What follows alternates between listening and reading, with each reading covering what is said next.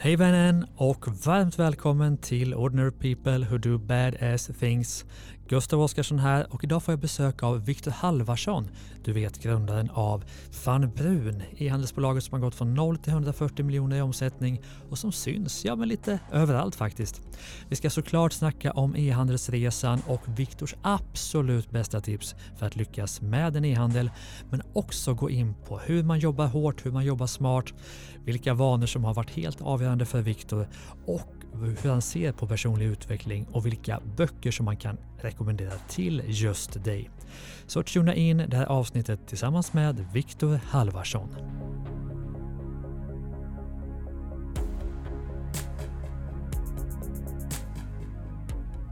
Varmt välkommen till Ordinary People Who Do Badass Things, Viktor Halvarsson.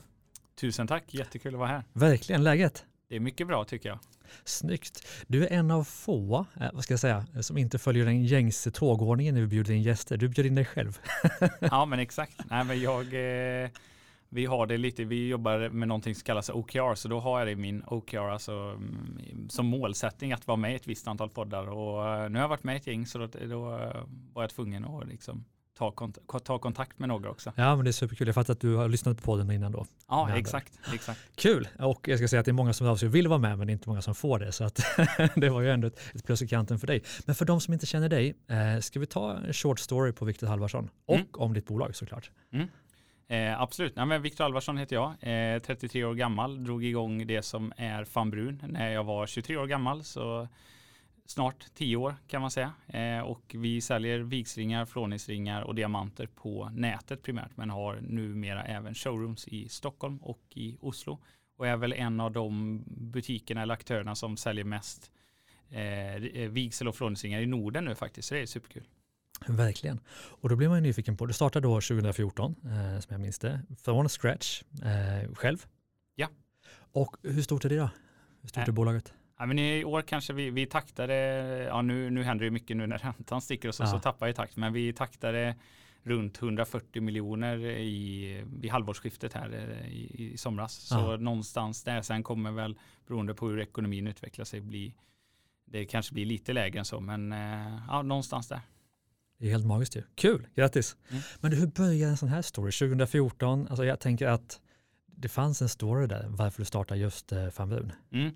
Nej, men jag har hållit på med någon typ av företagande hela livet och min mm. pappa var en sann entreprenör, en sån riktig mångsysslare kan man väl säga, men mm. som sprang på alla bollar där man såg affärer. Eh, och jag startade sånt här UF-företag och så vidare på gymnasiet och eh, ja, köpte, sålde grejer på Tradera, Ebay. Eh, så jag har alltid haft det i mig eh, med, och läste ekonomi på gymnasiet, pluggade ekonomi på Handels i Göteborg och sen började jag jobba på bank. Men jag har alltid haft det här men, eh, intresset för företagande, eh, för företag, kollat, eh, läst årsredovisningar och sånt. Eh, så jag har haft hundra idéer i huvudet eh, och mm. sen en dag på semestern då 2014 kände jag bara nej men nu måste jag göra någonting. Nu, eh, nu är jag 23, fyller 24 här. det är snart kört tänkte du? Ja exakt, ja. snart är jag rykt. så då tänkte jag, men jag får bara ta någon av de här idéerna så får jag springa på den för liksom, man läste överallt och det stämmer ju verkligen att det är ehm, ja, men människorna bakom bolaget som får att lyckas, inte idén. Alltså är du världens bästa entreprenör så kan du säkert konkurrera ut ICA också. Eh, och just då så hade jag börjat kolla lite på Ring till min eh, dåvarande flickvän och eh, ja, men undersökte terrängen och fann inte vad jag sökte egentligen i Sverige utan det fanns mycket i USA men de gjorde inte heller grejer rätt. Så då ja, men då kände jag då får jag dra igång ett eget bolag här. Nu, nu kör jag på den här idén och det hade likväl kunnat bli ventilation eller eh, poddmickar eller vad som helst egentligen. Mm. Så jag hade inget intresse av det innan och eh, så, men det är ju en superrolig produkt att jobba med idag. Mm. Men det är så jäkla, alltså det tidigare flickvän sa du, så det blev inte så mycket av det där. Jo, nej men alltså sen gifte vi oss. Ja, ni gifte, så, okay. ja, så nu är du fru Ja, så jag vet inte aldrig om jag säger min flickvän, för vi är inte... Ja, nej, jag fattar, jag fattar, ja. okej. Okay. Så det funkade på, på, alla plan då helt enkelt. Ja. Men vad roligt, men vad spännande, för det finns ju enligt mig då två olika typer av företagare. Dels de som bygger allting på en, ett intresse, jag måste göra just det här, det är min, mitt intresse att designa eller just uh, fotvård eller vad det nu kan vara. Och sen finns det de som jag väl själv tillhör också som skulle kunna starta bolag inom vad som helst för det är kul att driva bolag. Mm. Och det verkar ju definitivt vara kategori nummer två. Mm, ja men absolut, det, det spelar en stor roll om vi säljer diamanter eller om vi säljer eh, ja, men, poddmickar eller eh, Mm. ventilationspumpar eller vad det nu är. Alltså det är ju så här själva hantverket bakom företaget som driver mig och det tror jag är en av mina styrkor. Så. Mm. Vilka idéer fanns det mer då än att sälja juveler på nätet eller ringar på nätet?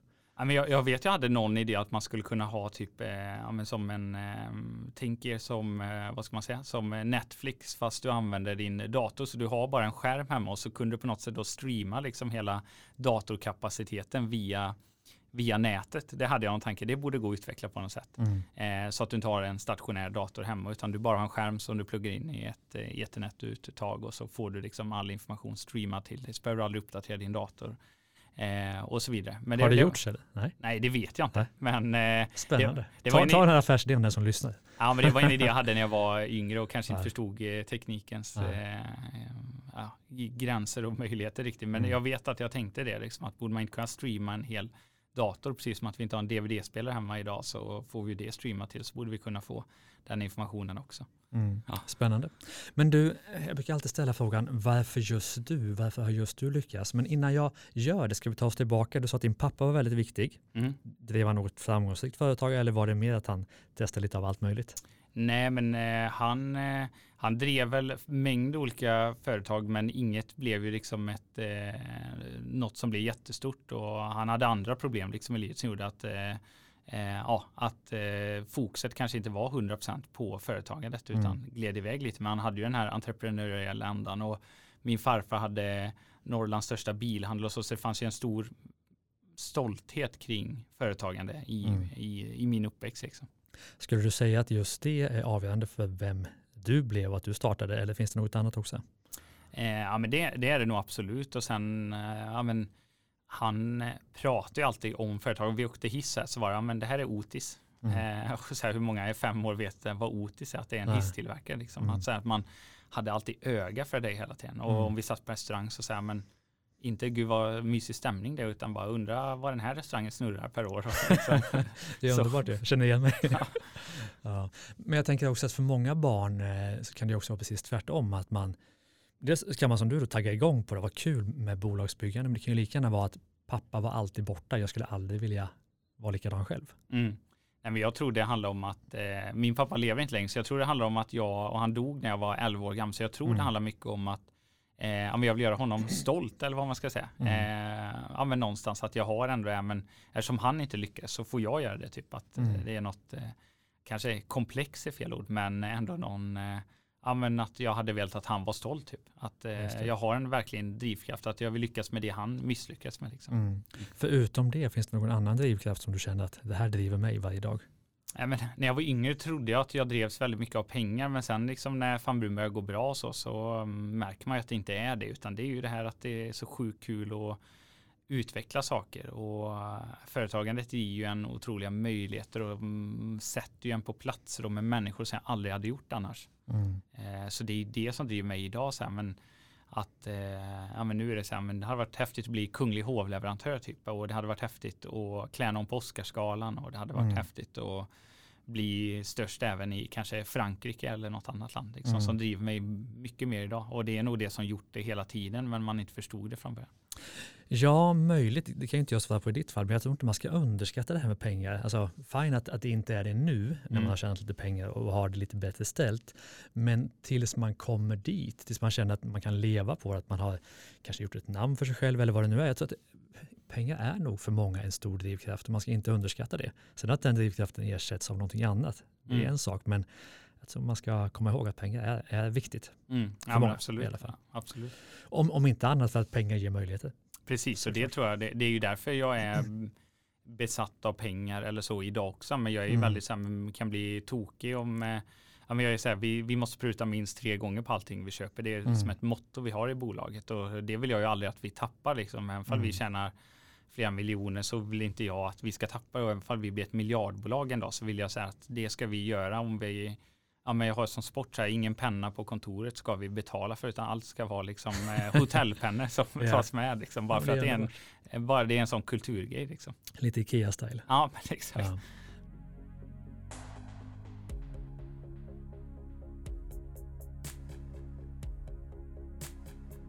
Men, men vad är målet? Kan du säga så här, men vi ska bli ett miljardbolag eller vi ska göra en, eh, en börsintroduktion eller Mm. vi ska bli störst i världen. Eh, Vad, vad säger ni om visionen på bolaget?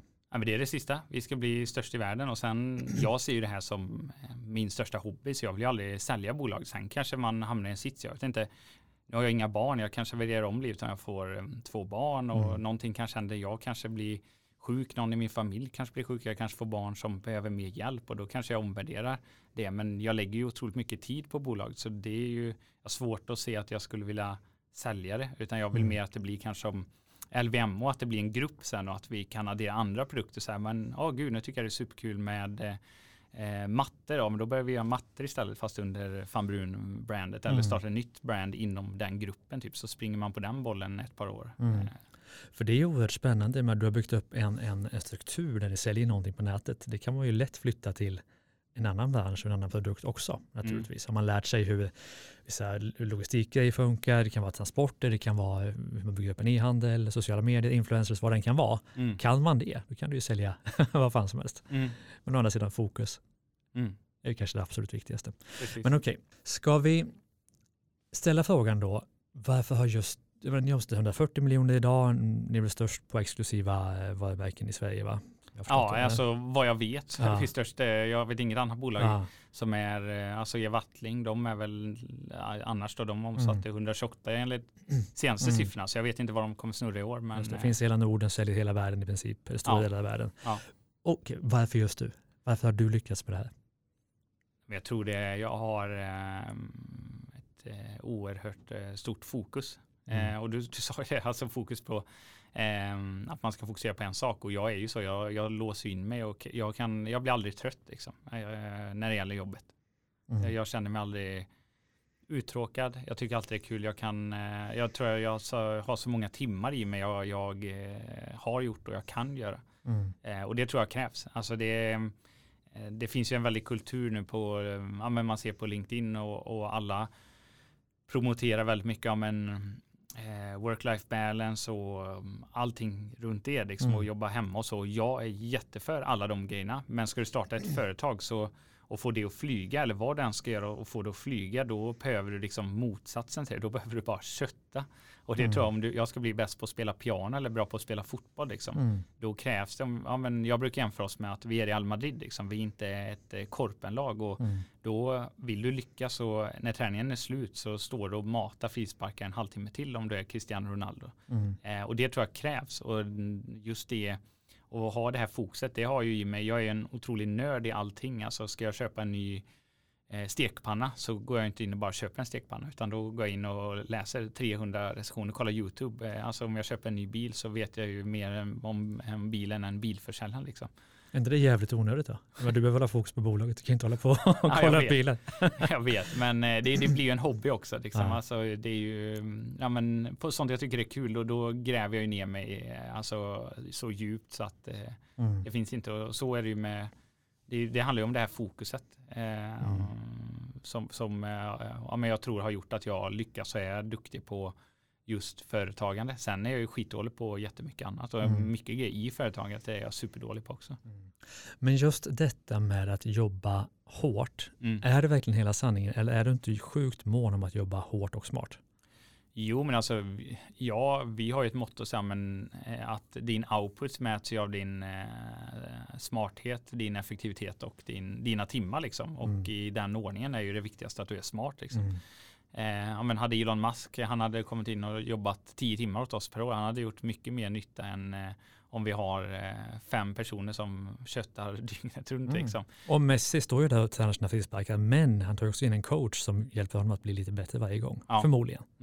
Nej, men så, så det är klart, men jag tror så här, ska du få, få ett, alltså det svåraste är ju att få, ett företag att lyfta. Alltså Mm. sen när det väl flyger, typ som där vi är nu, det är ju otroligt mycket lättare att driva bolagen och nu har man ju så här möjlighet att kunna ge alla människor man arbetar med Ja, men, eh, man, man har möjlighet att kunna ordna en schysst arbetsmiljö. Allt från att ha liksom planter på kontoret till att ha schysst kaffe till att erbjuda massa grejer. Men när du startar företag så är det ofta en eller fåtal personer. Mm. Och liksom, då behöver du verkligen lägga ner väldigt mycket tid tror jag. Eh, Mm. Alltså jag vet så här, vi, vi eller jag då, eh, vi hade igång våran kundtjänst eh, ja, men 8 till 8 året om eh, och det har vi fortfarande. Men då var jag ju själv, vi hade igång den hela tiden, jag hade den i fickan hela tiden liksom på mm. julafton, skriver någon i chatten eller ringer, jag var ju tillgänglig hela tiden. Mm. Och, och, det där krävdes ju liksom, varje år det var ju så extremt viktigt. Mm. Men om man tänker då från 0 till 140 miljoner nu under åtta års tid, vilken fas har varit absolut jobbigast och tuffast? Eh, men du säger var... att, att det blir lite lättare nu? Jaha. Ja. Nej, men det var ju såklart kanske första två åren innan vi blev lönsamma. Eh, mm. för då kunde jag ju vara på kontoret till ett på natten och, och så. Och jag har, eh, nej men, jag, det är inte så här, många säger vi, ja, det var mycket blod, svett och tårar och man har Eh, jobbat dygnet runt. Alltså det, det är väldigt få som har gjort det. Eh, och jag har aldrig jobbat dygnet runt i alla fall. Men jag har jobbat många timmar. Och det var ju väldigt påfrestande på ens privatliv, eko, mm. ekonomin också. Alltså så här, jag hade satt av en given summa pengar. Så jag visste att nu har jag 10 000 kronor på eh, att leva på. Eh, jag kommer inte ihåg, men x antal månader och så vet, började det ticka ner och ingen, det tog liksom två veckor innan första ordern kom in. Alltså, mm. Vilken e-handlare har varit live i två veckor som ändå har satsat all in och inte fått in en order på två mm. veckor. Nu kostar ju produkter kanske 20 000, ja. inte 10 spänn men absolut. Exakt, Nej, men det var en otrolig stress. Jag vet så här liksom att när vi fick in sista ordern att jag låg i sängen och skulle sova. Jag blir nästan röd varje gång jag tänker tillbaka på det. Men så jag bara flög upp i sängen och skrek. Liksom, ja. När första kom in? Ja, exakt. Ja. Kommer du ihåg vad första var? Ja, visst, visst. Jag vet eh, kunden och allting. Eh, vad han heter. Han, Ja, jag brukar dra den storyn att han var ju 60, 65 bass från Norrland så han var ju van vid, hemsidan tog 14 sekunder att ladda så han var ju van vid internet och tidsmiljonär för han var pensionär. Yeah. Och köpte tre ringar för 10 000 spänn som eh, jag gick back på för jag hade räknat fel på okay. marginalen. Så jag, jag, vi tänkte det nu när vi fyllde 10 år så skulle jag eh, typ åka hem till honom och säga så här bara tack eh, Eh, han heter Per-Arne hette han. Ja. Eh, tack Per-Arne eh, typ för att du satte igång allt det här. Liksom. Men du måste ändå ha gått in med ganska mycket kapital, för du tog inte in kapital va? Nej. nej men, men du ska ändå köpa in grejer med det. Nej, gjorde det, du inte det? Nej. nej. nej, det är ju hela vår affärsmodell. Jag är ju från bank så då vet man så här binda, inga företag går i konkurs för att det går dåligt, utan alla företag går i konkurs för att likviditeten är dålig. Så jag vill säga, vi ska inte binda en enda spänn. Aha. Eh, och det gör vi ju än idag väldigt. Nu har vi, jag blev eh, chockad här förra veckan att vi hade varulager på nästan två miljoner. Eh, mm. Och det är inte bra för att vara oss då, men ser du till alla andra bolag så är det ju extremt bra. Men hur funkar det då? Säg att jag köper en ring och jag vill ha den, i och för sig kanske inte vill ha den dagen efter. Men, men om den inte har den i lager, hur får jag den så snabbt? Är det någon form av eh, dropshipping-lösning eller hur funkar det? Nej, men vi har ju, alltså det är också så här, man måste ju ha mycket tur också om du frågar varför just jag, men Eh, den leverantören vi jobbar med, de är ju väldigt duktiga. Vi jobbar med, nu jobbar vi med flera leverantörer, men mm. allting tillverkas ju på beställning. Så tillverkar mm. du, vill du ha en slät ring till dig till exempel, en sån du visade innan, och fast mm. i guld säger vi. Ja, men då lägger vi den orden hos vår produktion i, utanför Kalmar och så tillverkas ju den på ja, men en, två dagar och så kan vi skicka den till dig om det är så panik. Annars mm. försöker vi bulka grejer för, att, för att få ner kostnaderna för, slut, för oss och sen slutkunden. Och ska man gifta sig så är man ofta lite mer i framförhållningen det tror, det, det, det, det tror du, men eh, så är det inte. Vi har många kunder som bara, shit, ja. jag har gift mig i övermorgon typ. Och ja. hade någon kund i somras som ringde mig på fredag morgon så var jag inne i växeln. Så han bara, tjena, jag Ja, tjejen här nu, vi ska flyga ner till Frankrike på tisdag och hon, eh, hon har tappat bort ringen här nu för 80 000. Och jag bara, ja. Så då fick vi lösa en ny ring på, på eh, två dagar. Mm. Eh, och det går ju att ordna, det mesta mm. går ju att ordna. Så, mm, så här, eh, problem är ju, det är ju mm, en, jag, jag brukar säga vi har inga problem, vi har bara uppgifter mm. på företaget. Liksom. Mm. Um, så, så det är klart att men vi, vi, har aldrig haft något egentligt lager utan allting görs made to order och det är ju en, mm. en, eh, en styrka på många sätt. Enorm konkurrensfördel och alltså även bara för kunderna, tydligt också. Mm. Ja, men det tar så här så många dagar, vill du ha det snabbare så får du betala mer. Mm. Enkelt. Exakt, exakt. Men du, vi måste gå tillbaka för den här podden heter ju Ordinary People Who Do Badass Things och du har ju gjort Badass Things med bolaget. Men det låter ju på dig som att du inte är så jävla, ursäkta att jag svär, ordinary i och med att du säger att jag har alla de här timmarna i mig, jag kan köra på hur hårt som helst. Jag vet inte om jag har det där i mig och det känns inte som alla har det heller. Var, varför kan du jobba på så mycket och så länge och till ett på nätterna om inte alla andra kan det? Nej men idag tror jag inte kan det. Jag var ju, gick ju i princip in i väggen när jag tog på mig att renovera ett hus med. Så mm. då blev det som så här att få ett till företag på sig med tio hantverkare som stod där och skulle man styra också. Liksom. Men mm. eh, så idag skulle jag nog aldrig kunna jobba så intensivt. Alltså timmarna, är, jag, jag tror så här, timmarna är ju aldrig ett problem utan det är mer eh, typen av arbete och intensitet. Liksom. Mm. Och bara sitta, alltså när jag var yngre så spelade jag ju extremt mycket data. Mm. Eh, och tävlade i, i, i, det och så. Då satt man ju, jag satt ju många mer timmar då framför datorn. Det finns ju många ungdomar som gör idag.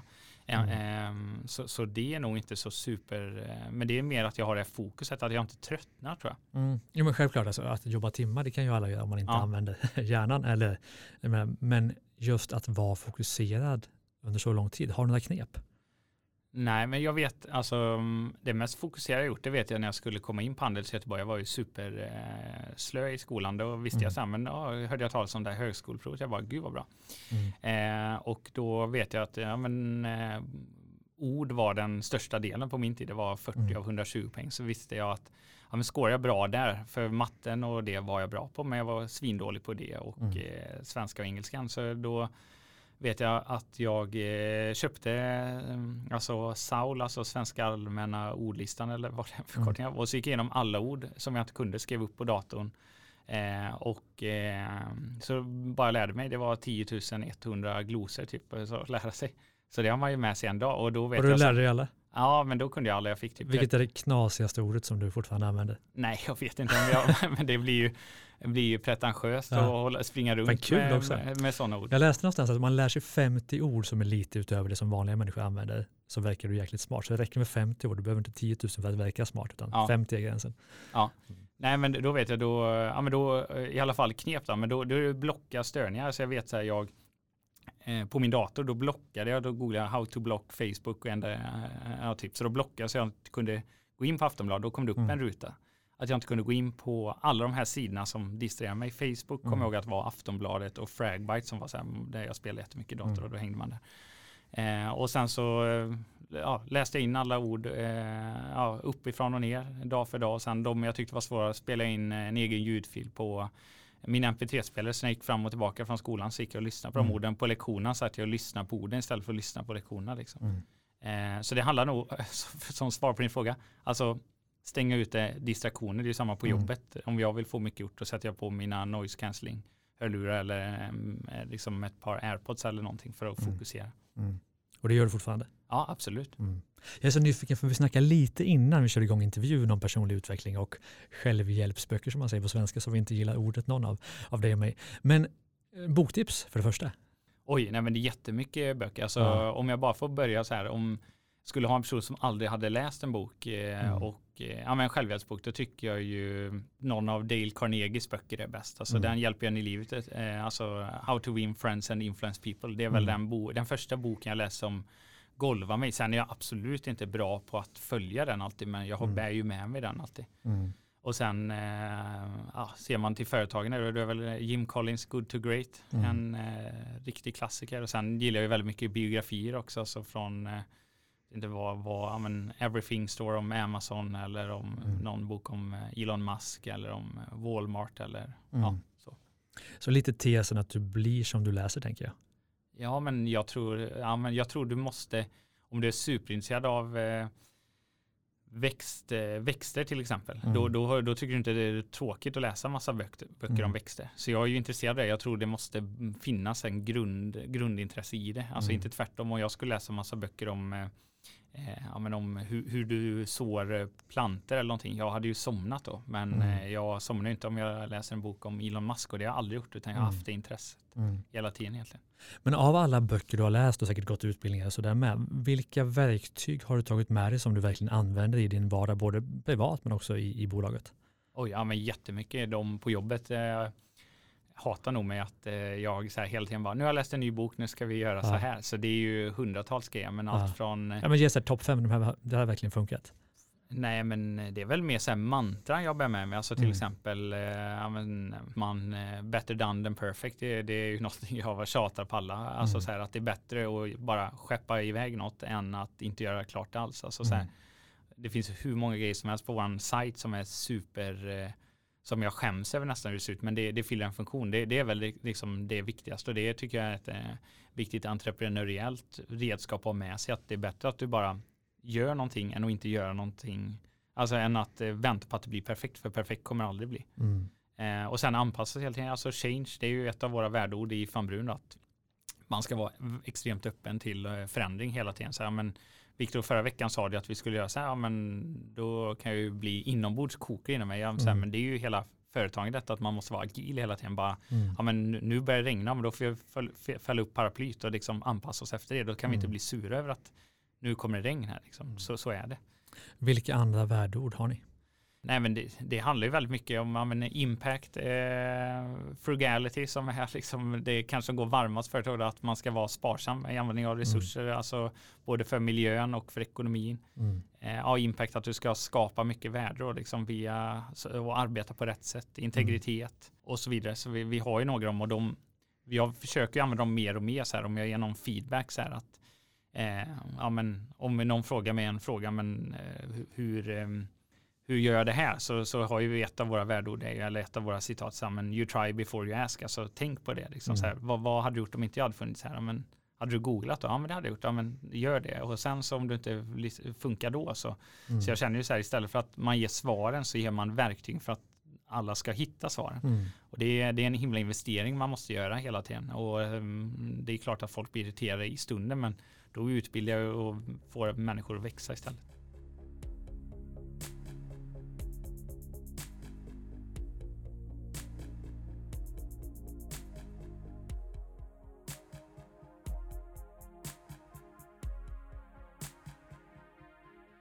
Men låt oss gå tillbaka till verktyg och eh, kan vi ta oss igenom eh, Viktors dag Ja, och kanske under dagen när du berättar hur, du lägger upp din dag också kanske dela, ja, så här tänker jag där, eller så här äter jag där, eller så här tränar jag där, eller så här, mm. det här använder jag där för att få saker gjorda, eller vad det nu kan vara. ja. Nej men ehm, jag nämnde ju här innan att jag skadade mig i knä nu så nu kan Ja. jag inte träna lika mycket men normalt sett så försöker jag gå upp vid fem, eh, Mm. dra till gymmet, ingen frukost innan. Eh, så jag kanske där 5.20, kör på en timma, sitter med mobilen hela gympasset. Alla tror att jag bara sitter och, kollar på Instagram när jag Ja. tränar. Men jag sitter ofta och, läser någon artikel på Harvard Business Review mellan sätten eller eh, kollar mejlen. Så jag ändå får en bra överblick av dagen, får massa tankar och energier. Matar iväg massa request till leverantörer och till mina kollegor. Det här borde vi, jag, jag är som mest produktiv där i början. Mm. Sen drar jag hem och, Och gör- också full av endorfiner då såklart. Ja, exakt. Eh, och sen drar jag hem och eh, gör en smoothie, hoppar in i duschen, drar till jobbet, är där ofta runt eh, sju och sen så eh, brukar jag koppla in mig och liksom, mm, försöka få en överblick av dagen lite. Alltså så här, vad, vad har jag för stora problem idag att ta tag i? Eh, och försöka göra en prioriteringslista för mig själv. För jag har ju alltid, det är ju så här, man, går- jag går inte hem när jag är, är klar utan när jag är trött. Liksom. Mm. Eh, Gör du det viktigaste först eller det lättaste först? Nej, det är det viktigaste först. Mm. Eh, alltid. Eh, och sen har jag väl lite som så här mantra att det kommer in grejer som går fort där, då, då bara skjuter av det direkt. Liksom. Vi jobbar Mm. med ett verktyg som heter Asana som jag varmt kan rekommendera som är en sån task manager och Mm. så här att ja, men går det fort att göra någonting så försöker jag bli av med det. Så jag har väl fokustid fram till lunch, kör ingen fika, vi har ingen fikakultur på jobbet, det är ju mitt fel eller rätt liksom, jag bara Mm. kör på. Och sen så mm, nu för tiden åker jag ofta hem på lunchen för att få lite miljöombyte eller käka lunch ute. Jag käkar aldrig lunch på kontoret längre nästan. Mm. Eh, och det, innan jag gjorde det, då tänkte jag så här, nu ska jag optimera så jag bara har en smoothie så jag bara kan slänga i mig den på två minuter och så hoppar Mm. jag lunch. Men nu har jag eh, sista åren så har jag försökt fokusera lite mer på mitt eh, långsiktiga välbefinnande. När vi pausar bara där, alltså mellan 7 och 12, Ja, kör du på konstant då? ja skulle jag säga. Det är ändå lite mot vad du läser i en del böcker. Ja, verkligen. Ja. Sen, sen eh, försöker jag ju ta paus på det sättet att jag, ja men jag kanske springer och tar en kaffe och så, men jag sitter ju aldrig ner och, och tar en paus så, men jag byter Mm. ju arbetssätt. Jag kanske försöker byta, ja men säg att jag verkligen är ikopplad som jag brukar säga fram till klockan tio kanske. Mm. Sen kanske jag har något möte. Jag försöker lägga, jag har läst någon bok också såklart. Men mellan, eh, jag är mest, eh, det optimala mötestiden för de mesta, me- mesta flesta människor är mellan 10 och 12. Så då Mm. försöker jag lägga de flesta möten där och jag tycker Mm. det fungerar otroligt bra för mig också. Mm. Så det är klart, då byter jag det här fokuserade arbetet där jag bara sitter ikopplad till att jag sitter och pratar med människor, så åker jag käka lunch, rensar skallen. Eh, och sen så kommer jag tillbaka och på eftermiddagen har jag inte alls samma energi. Liksom så. så då blir det mycket mer att jag duttar av de här enkla grejerna på eftermiddagen. Ja, Mm. ringa något samtal, uppdatera någon grej där eller vad det nu är. Mm. Känner du ofta att jag har inte lust eller nu orkar jag inte eller jag känner för något annat eller är varje dag liksom, du får saker gjorda? Jag har nog aldrig känt att jag inte har någon lust att åka till jobbet. Det är klart att ibland om det har varit, eh, ja men så här, jag, jag, jag gör ju det här för att jag tycker det är kul. Alltså så här, mm. Det viktigaste för mig det är så här, jag lever en gång, jobbet måste vara roligt. Så mm. är det inte det så, jag är ju den som har makten. Jag gillar ju ägandeskapet att är någonting inte bra på jobbet så är det jag som är ytterst ansvarig för det. Då är det min uppgift att fixa det. Mm. Så är det inte bra på jobbet, då säger jag så här, okej, okay, det är skit på jobbet idag, nu är tre pers svinsura över någonting. Ja, men då får jag, hur ska jag vända dem då? Så mm. googlar jag någon artikel eller tar med mig någon kunskap som jag har sedan tidigare. Så mm. försöker jag applicera, se det mer som en tävling. Typ, kan jag vända dem om jag gör så här? Ja, nu är den leverantören, eh, nu händer det liksom. Eh, mm. nej, så jag skulle säga att det, det, är nog aldrig någon dag jag känt så här, nej fy, jag vill inte åka till jobbet. Det har mm. nog aldrig hänt nästan. Alltså om du hade gjort, vilket du säkert har gjort, ett personlighetstest så är det ganska tydligt vilken typ du är antar jag. Ja, ja verkligen. Mm. Ja. Men eh, det kan ju vara, ja. men det beror på vilken, men ja. man med den här, eh, vad heter den, eh, alla idioter eller vad den heter, ja, ja men det, då, är jag ju, mm. då är jag ju superröd det. Mm, eh, mm. Och sen om man eh, gör många, många andra då är jag ju shaper, eh, mm. alltså sån klassiska men ganska um, rätt fram, bara kör mm. med person liksom. Så eftermiddagarna lite lugnare, ja. lite enklare tasks och sen jobbar du på till?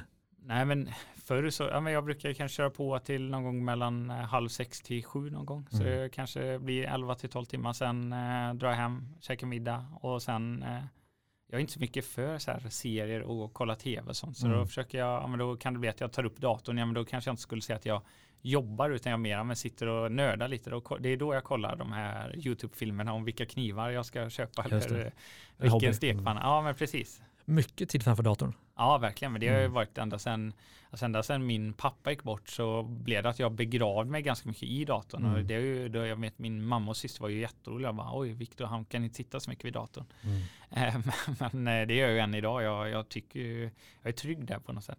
Men känns det som, jag menar, du är på många sätt och vis uppvuxen framför datorn. Känner du ändå att du har de sociala skillsen som behövs när man driver den här typen av bolag? Alltså de utanför dator sociala skillsen. Alltså det är ju det är absolut en av mina svagheter. Jag, mm. jag ska inte säga att jag inte är en people person. Det är ju så att jag har ju ett väldigt stort umgänge och um, så liksom. Men det är väl det jag fallerar ibland i mitt ledarskap. Att mm. jag kanske är lite barsk ibland och det här att jag är väldigt change här. Men om, om eh, du har jobbat på någonting jättehårt och så säger jag bara så här, nej vi skiter i det, nu kör vi så här istället.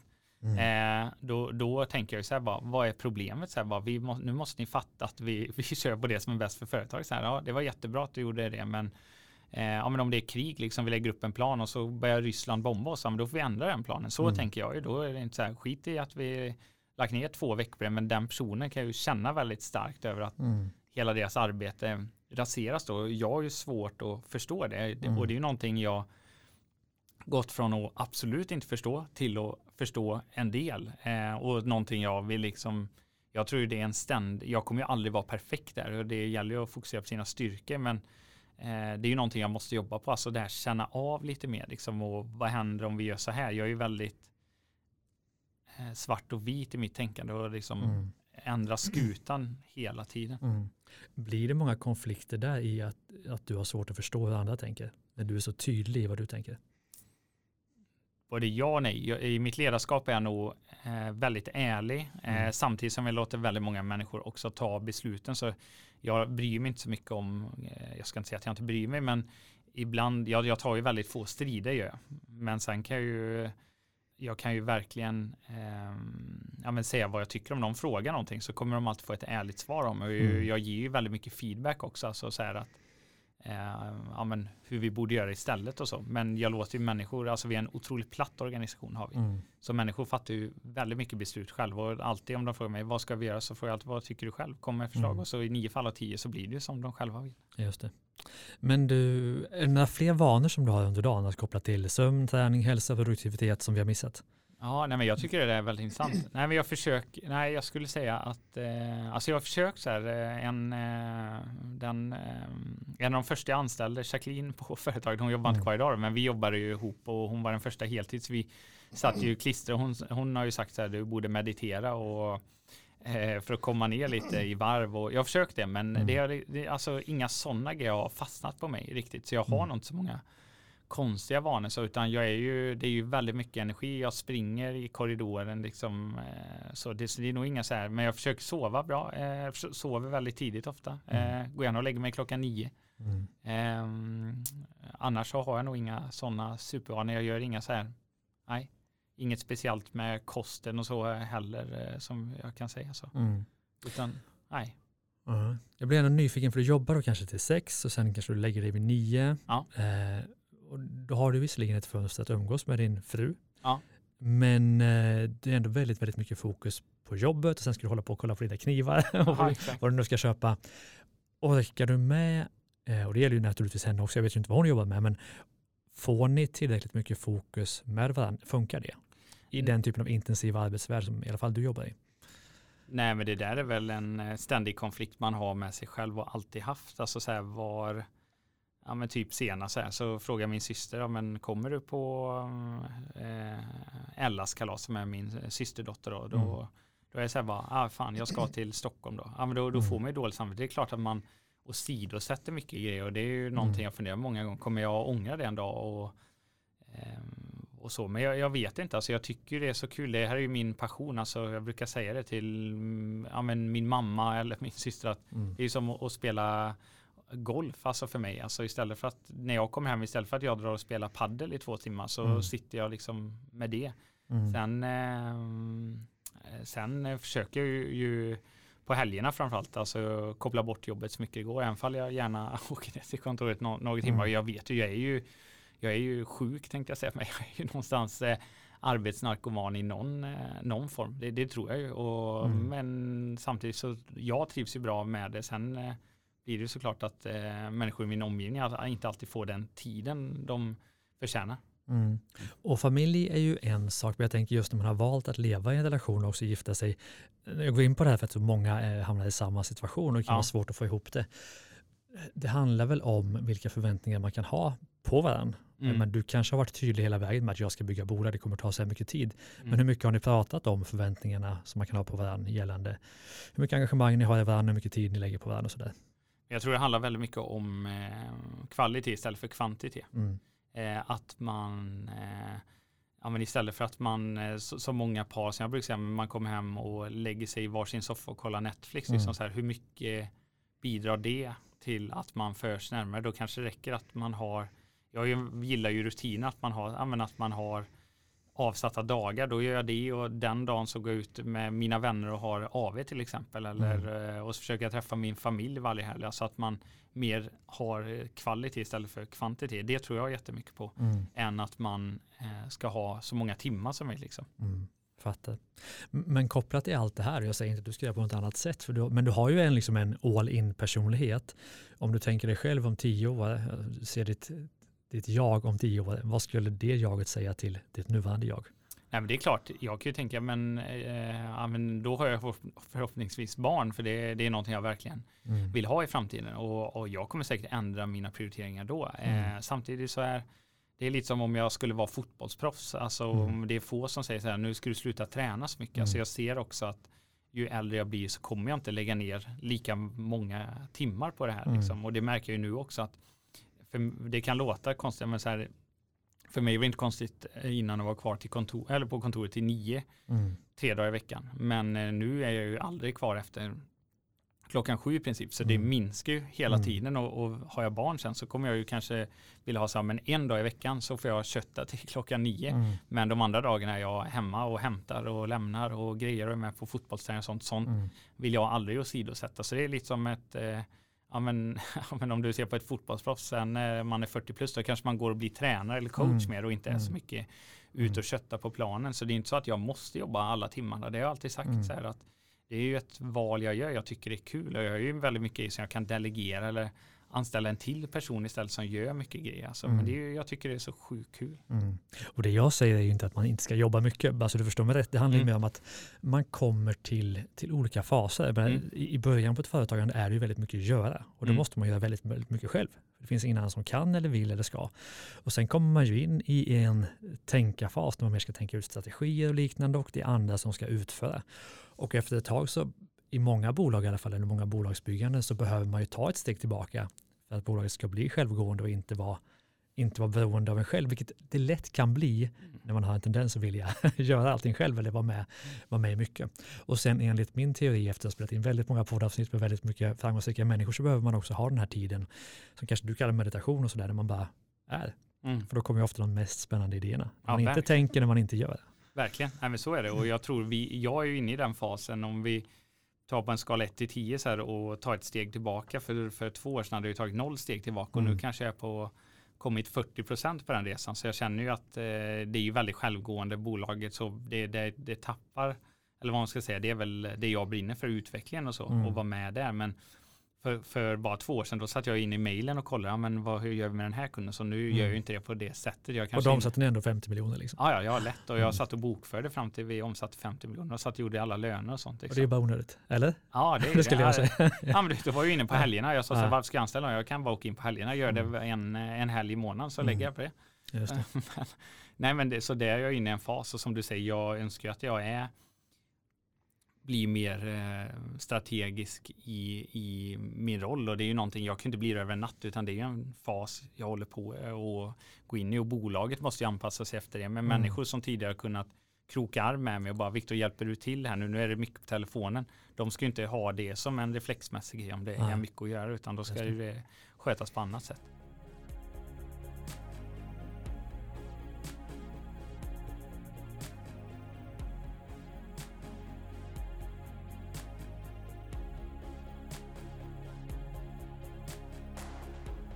Men nu har vi varit inne lite på dig som person, men jag vet att många av lyssnarna också tycker det är väldigt spännande med e-handel. Ja. Och du har tagit en e-handel från 0 till 140 miljoner. Eh, har du tagit in kapital?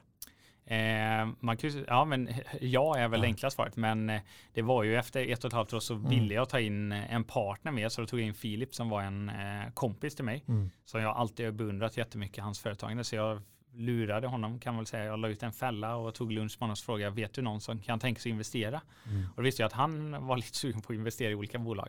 Men jag var ju tvungen att spela lite svår där. Så mm. nej, men då gick han in, jag tror det var med 700 000. Mm. Så det, med de rundorna man har sett senaste åren så var ju det ingenting och då omsätter vi ändå ja, men ett par miljoner liksom. Så han kom in, gjorde världens kap rent finansiellt. Men jag tycker jag har dragit eh, den största vinsten för jag fick in honom och ett bollplank och någon mm. att kunna bolla med liksom. Så det var inte för jag hade klarat mig utan de pengarna också. Liksom. Mm. Vi blev ju lönsamma efter 18 månader typ. Sen har vi aldrig behövt ta in pengar. Liksom. Nej, och ingen tanke på att göra det nu heller? Nej, absolut. Nej. Alltså vi har fått Eh, men alla, alla pamparna i stan eh, som jobbar med handel har ju varit på mm. mig på LinkedIn. Liksom. I Borås då? Ja, eller mm. i Stockholm här ja. nu där vi spelar in, men mm. i, Borås, i Borås finns det inte så många nej. pampar. Men, eh, nej, men så man har ju varit i kontakt och lyssnat så, här, så det är väldigt Sen när folk, jag vet för tre år sedan, när, tre, fyra år sedan när någon ringde och sa att jag köpt 5% för eh, 5 miljoner, värdering på 100 miljoner, tänkte jag så här, wow, det är ju skithäftigt så här. Mm. Och men det räckte liksom, då vet man det. Sen vad, vad ska jag göra med pengarna så här? Alltså, jag har dyra vanor att jag älskar att bo på dyra hotell, men sen så här, ja, jag, jag har ingen mål att köpa ett slott och bo i. Det är så jäkla spännande för man, man tänker att man behöver så mycket pengar för att leva en viss livsstil.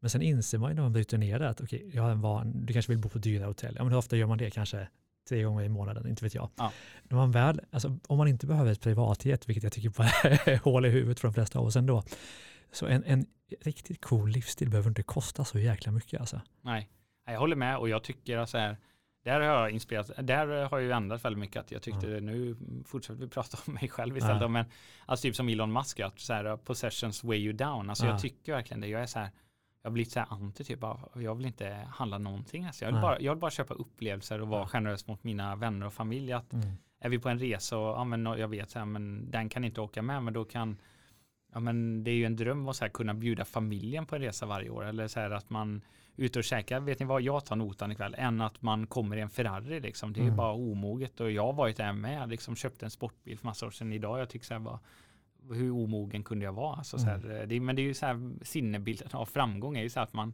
köper någon sån statusgrej och sen var det skitjobbigt bara att ha det. Mm. Liksom. Mm. Jag håller med 100%.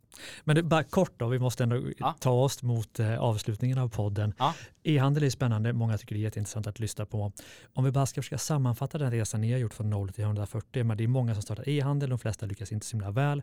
Kan du välja ut en, två eller tre saker som bara, det här har vi gjort, mm. som har varit helt avgörande för just vår framgång med e-handeln? Ja, eh, nummer ett, eh, vad, vad det kunden vill vara, var inte bekväm. Alltså det, det tycker jag många är så lata. Så, så här, vi har ju alltid haft kundservice öppen 12 dagar eh, per dag. Nu har vi liksom öppet 8 till 22. Mm. Du sa 12 eh, dagar per dag. Eller 12 Nej. timmar per dag. 12 timmar per dag. Eh, men nu har vi det var jävligt ambitiöst Precis. Ja, men nu har vi öppet eh, 8 till 22, eh, fem dagar i veckan, 8 till 21, eh, fredag, mm. lördag. Eh, vi är liksom öppet på julafton och, och, så. Det är ju så här, när vill kunden kontakta oss? Mm. Eh, ja, men det är ju på, på kvällarna eller på helgerna. Mm. Eh, de vill inte ha telefontider 13 till 15. Vad är det? Då, då, då, då lyssnar du på så här, vad är bekvämt för oss och personalen? Alltså sätt alltid kunden först. Mm. Det tycker jag. och sen då ha en jag tycker alltid det är så intressant. Vad har olika företag för existensberättigande? Alltså så här, vad, om man tar bort all marknadsföring, kan det här företaget finnas ens då? Alltså, eller blir kunden bara mutad? Du måste ha en produkt som du erbjuder till ett, något typ av värde du adderar för kunden som de inte kan få någon annanstans. Annars är det ju inte långsiktigt hållbart. Där tycker jag det kommer upp så otroligt många bolag som bara har hur mycket riskkapital som helst som bara trycker ner brandet i halsen och sen så när de fundingen är slut så försvinner det. Så jag tror att man ska ha en produkt man står bakom, som man är stolt över, som ja, men adderar ett värde eller som är liksom det vi slog oss in på. Det var ju så här, vi har en hög kvalitet och till ett riktigt bra pris. Det är ju det som varit oss. Alltså vi, har, vi säljer en BMW fast du betalar för en eh, eh, för en Skoda liksom. Mm. Eh, det tycker jag. Sen så ett, eh, ja, men ett tredje tips det är så här det, det, det, tycker jag så här, ja, men fokus som du sa, men, och då handlar det inte bara om att jobba mycket, utan att du ska fokusera på 80-20-regeln, alltså så här, det mesta av din framgång kommer bero på ett få antal marknadsföringskanaler, ett få antal produkter, alltså så här, våra tre mest populära ringar, de står kanske för 30% av våra omsättning, alla fall vi har hundratals produkter. Mm. Eh, och samma med marknadsföring, alltså vi, vi, vi driver in mest trafik via Google Ads. Ja, men det hade räckt om vi har Google Ads och tre produkter, bra kundservice, hade vi omsatt 40 miljoner. Mm. Eh, och varit, då hade vi varit superlönsamma. Liksom. Sen mm. handlar ju det bolaget idag, men jag tror att man ska kunna tänka så att men har jag bara ett fåtal produkter, eh, har de något existensberättigande och kan jag sälja dem via bara försvinner nu eh, men, så, eh, influencer marketing, har de ett existensberättigande då liksom, så att man mm. tänker så. Så man står bakom produkten att men sitter du på en middag så att du, ja, det här, den här ringen säljer jag, den är gjord i England och den har skithög kvalitet och du betalar bara här, du, du, du känns så då gör du någonting rätt än om mm. du har ett mobilskal som, ja det här kostar eh, 39 spänn men vi har marknadsfört det sönder via Bianca Ingrosso så därför vill man ha det fast man inte tycker det är så snyggt och mm. det bolaget är bortom ett pro. Det ser man jättemånga bolag nu som eh, har gått eh, superbra. Alltså allt från eh, tyvärr då Daniel Wellington till mm. Eh, Ideal of Sweden och sånt liksom som tappar nu och Stronger och så det är ju skittråkigt att se men eh, det känns som att det som är gemensamt är ju att det är så trendkänsligt eller vad man ska säga. Mm. Vad har vi missat i det här långa härliga samtalet? Nej, men jag tror så här att eh, ja, för att försöka nyansera bilden av eh, mig och min filosofi att ja, men så här, någonstans eh, handlar ju livet om att maximera ens lycka. Mm. Eh, och i det så liksom skapa ett företag som man eh, tycker är en arbetsplats som man själv trivs på så, så, bra som möjligt. Och det, det, är klart att tar jag hand om mina kollegor så är det roligare för mig att gå till jobbet än när jag hatar. Mm. Så mycket saker jag gör, det är ju inte av eh, ekonomiska skäl eller för att bara bolag ska bli så stort som möjligt. Det är också för att jag ska ha jävligt kul liksom i, i helgen nu så åker vi ner till eh, franska rivieran på eh, konferens tre dagar, eh, nästan hela företaget och så här, ja, är det det bästa för att maximera aktieägarnas vinstintresse? Nej, det är det absolut inte. Mm. Utan det är för att det är eh, jädrigt roligt och vi, det blir teambuilding, men vi har likväl kunnat åka till eh, Grekland eller åka, vara kvar i Sverige också. Liksom. Alltså mm. det är så här, eh, man måste ha jävligt roligt också, man lever bara en gång. Mm, verkligen. Mm. Stort tack eh, Viktor för att du ville vara med. Om man blir sugen nu efter det här samtalet på att investera får man ju inte, men om man åtminstone vill köpa någon form av smycke, vart går man in? På fanbrun.com ja. går in och så hjälper GeoIP så ni hamnar på rätt eh, sajt förhoppningsvis hamnar på slash sen. Det är helt underbart. Stort tack för att du ville vara med. Ja, tusen tack, jättekul. Och stort tack till dig som lyssnar. Våra poddar finns som alltid på drivastarkaeget.se och där poddar finns spana också in varandra poddar Business Hacks och Starta Eget-podden. Stort tack för idag. Hej då!